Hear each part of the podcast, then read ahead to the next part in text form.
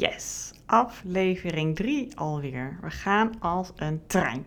Goed, met deze derde aflevering wil ik gelijk aftrappen met een pad plaatje in jouw hoofd proberen te krijgen.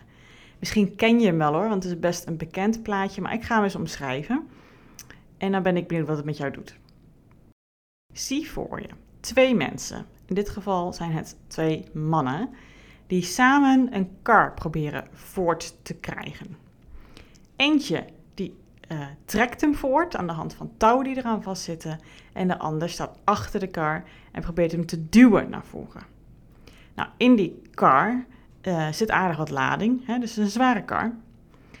En ja, diegene die aan het trekken is, die is maar aan het trekken aan die kar. En diegene aan het duwen is, die, die, nou, zijn rug is krom en hij, hij zweet op zijn gezicht.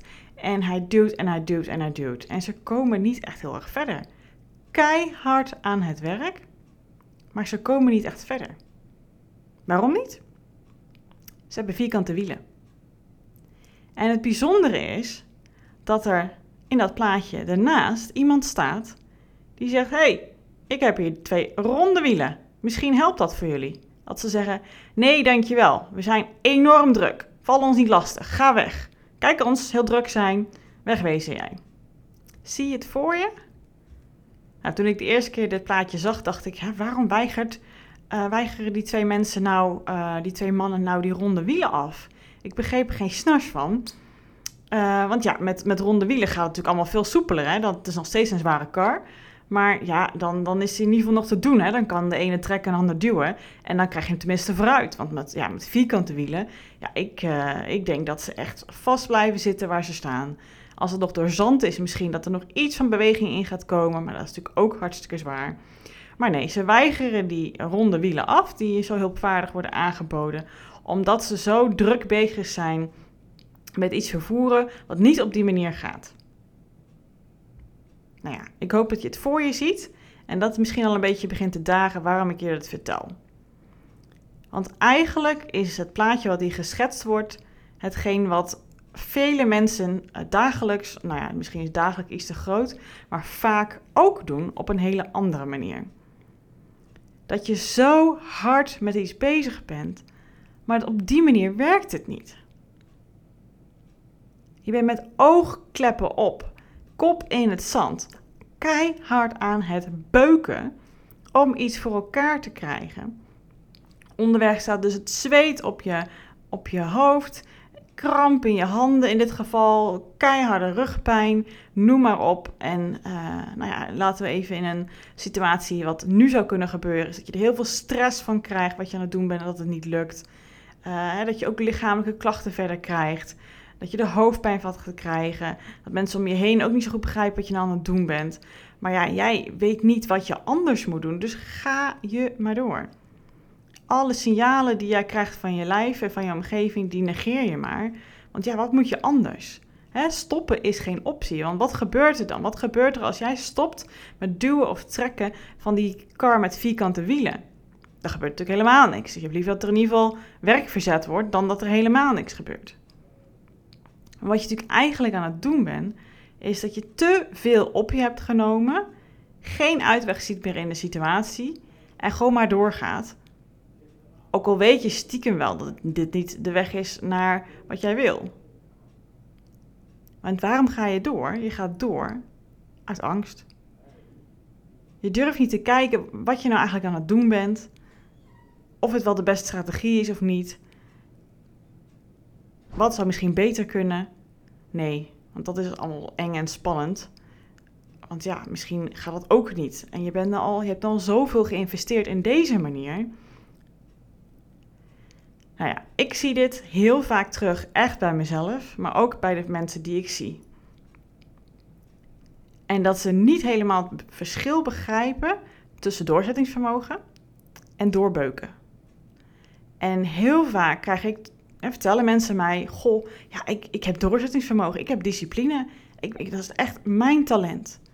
En meestal als ik daarop doorga, is het geen doorzettingsvermogen en is het geen discipline. Het is door kunnen beuken. En daar is echt niks moeilijks aan. Doorbeuken is echt dus wat ik net omschreef. Doorgaan met wat je aan het doen bent, wat absoluut niet goed werkt. Maar ja, Je durft gewoon niet te kijken naar hoe het beter kan of anders kan. Of even pauze te nemen. Je negeert alle signalen, maar gaat toch maar door. Nou, laat ik er even een persoonlijk voorbeeld ingooien. In de vorige aflevering heb ik het gehad over dat ik vond dat ik iets van vastigheid moest hebben. Uh, toen ik uh, mijn bedrijf nog parttime deed. En toen had ik dus een parttime functie als decaan ernaast. Um, en ik had in het begin natuurlijk helemaal niet door dat ik aan het doen was. Maar goed, ik, ik, uh, nou ja, ik werd aangenomen. Dat was ook al een grote verrassing. En um, ja, dat werk, dat, dat, in het begin dacht ik, nou, we gaan hier gewoon voor. Komt helemaal goed. Lekker vastigheid, prima, prima, prima. Maar gaandeweg, ja, kreeg mijn, kreeg mijn kar ook vierkante wielen. Ik was keihard aan het werk. Op een manier die totaal niet goed was voor die functie. Maar beter nog gezegd, totaal niet voor mij.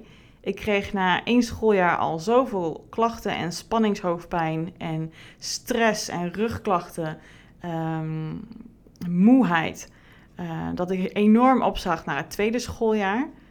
En um, eigenlijk wist ik al dat ik helemaal niet goed bezig was, dat deze functie totaal niet bij mij paste.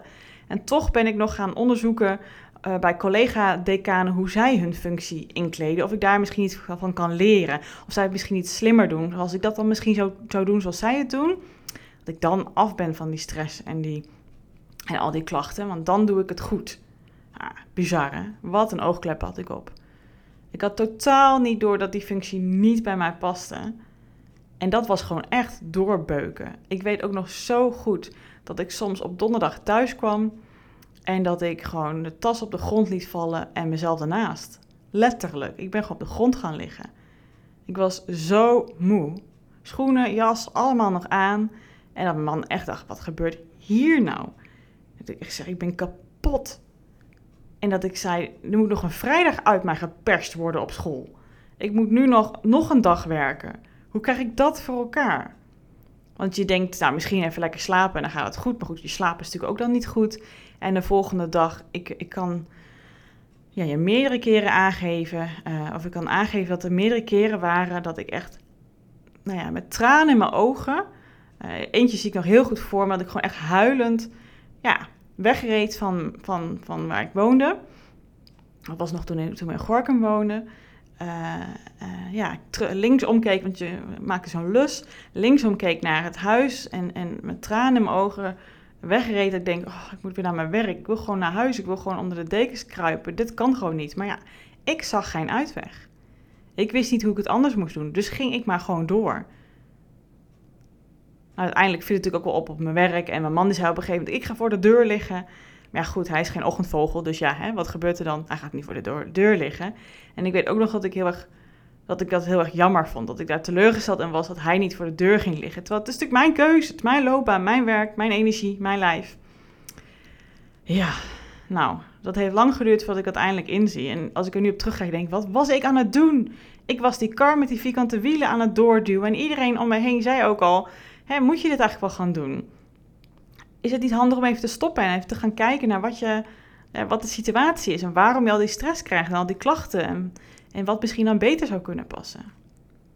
Maar dit hoor ik dus wel, wel vaker in een misschien nog een ergere mate dan ik zeg, of een mindere mate. Dat ik denk, oeh, dit zijn al acht signalen dat je die kant op gaat. En je hoeft er niet per se overspannen of een burn-out van te krijgen, maar dat zit wel aardig in het dop hier.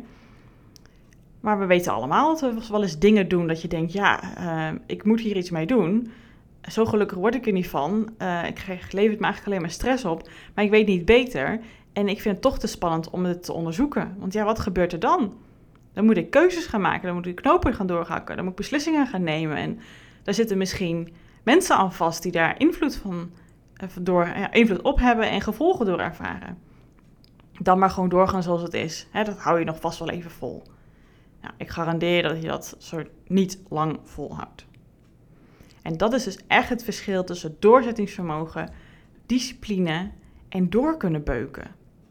Doorbeuken is geen talent. Doorbeuken is het, het averechtse van uh, talent. Het is een valkuil als je dat gaat doen. Dan zit je te veel op de schroef in de, in de kast te kijken, zoals we het wel eens zeggen. Hè? Als je een kast in elkaar aan het zetten bent, je kijkt niet naar het geheel van de kast, maar je bent echt met één schroefje keihard bezig om dat heel netjes erin te krijgen. Kijk eens naar het grotere geheel. Hoe belangrijk is dat die schroef er helemaal perfect 100% in zit? Niet.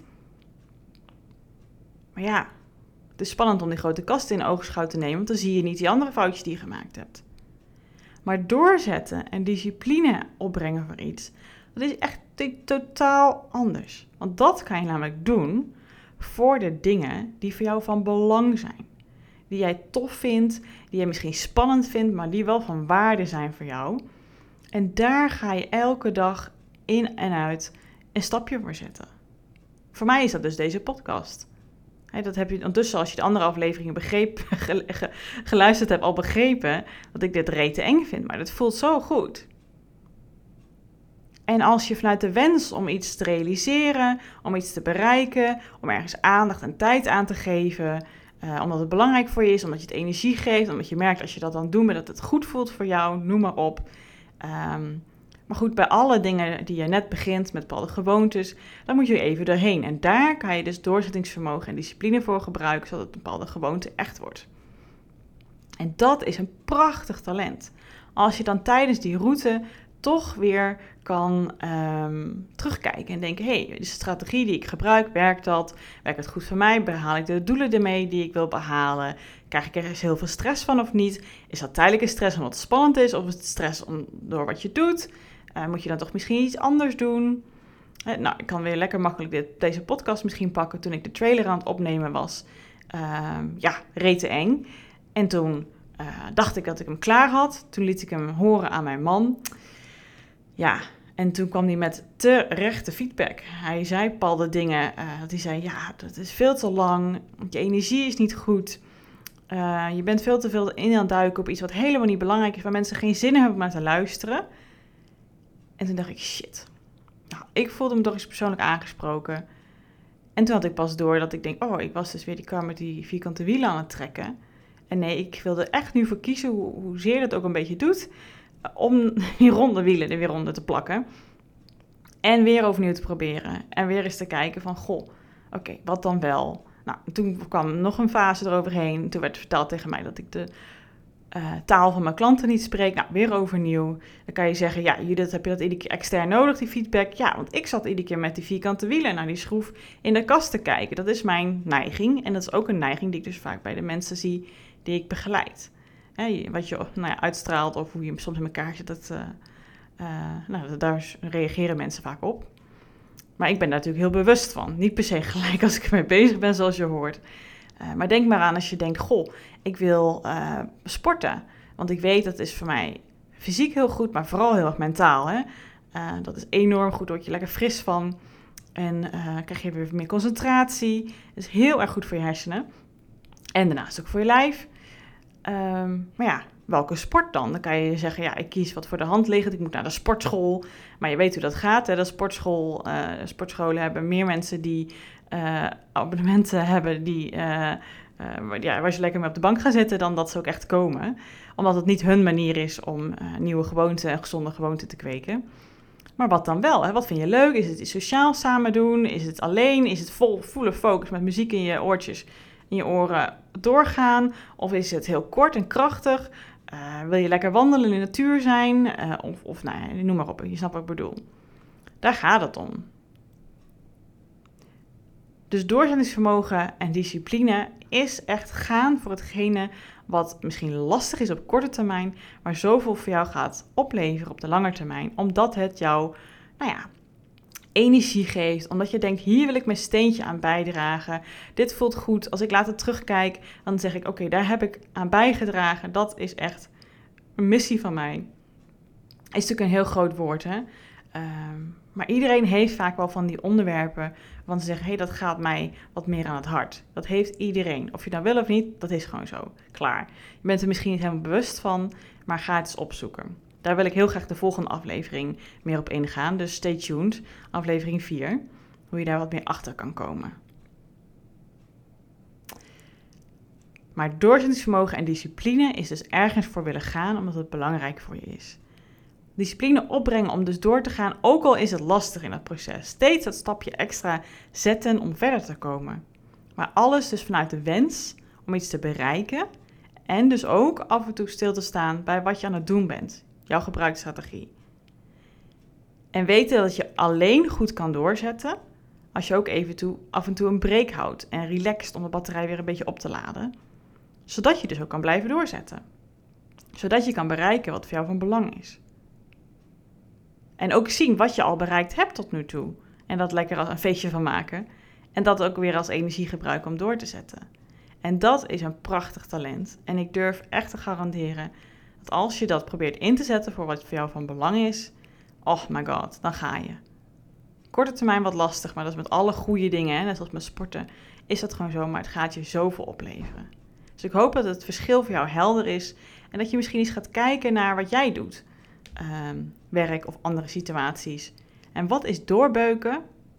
Hè, dingen forceren, keihard doorgaan in wat je al kent en eigenlijk stiekem al weet dat het niet helemaal lekker werkt.